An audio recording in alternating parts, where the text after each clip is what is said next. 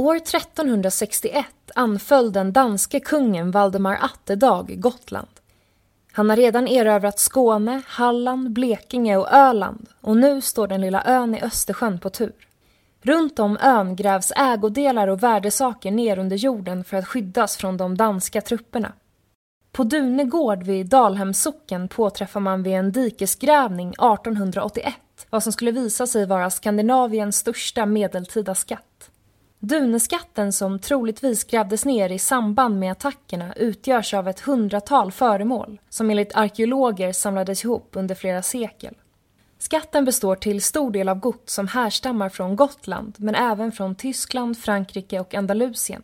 Ett av föremålen är den lilla så kallade Dunekoppen.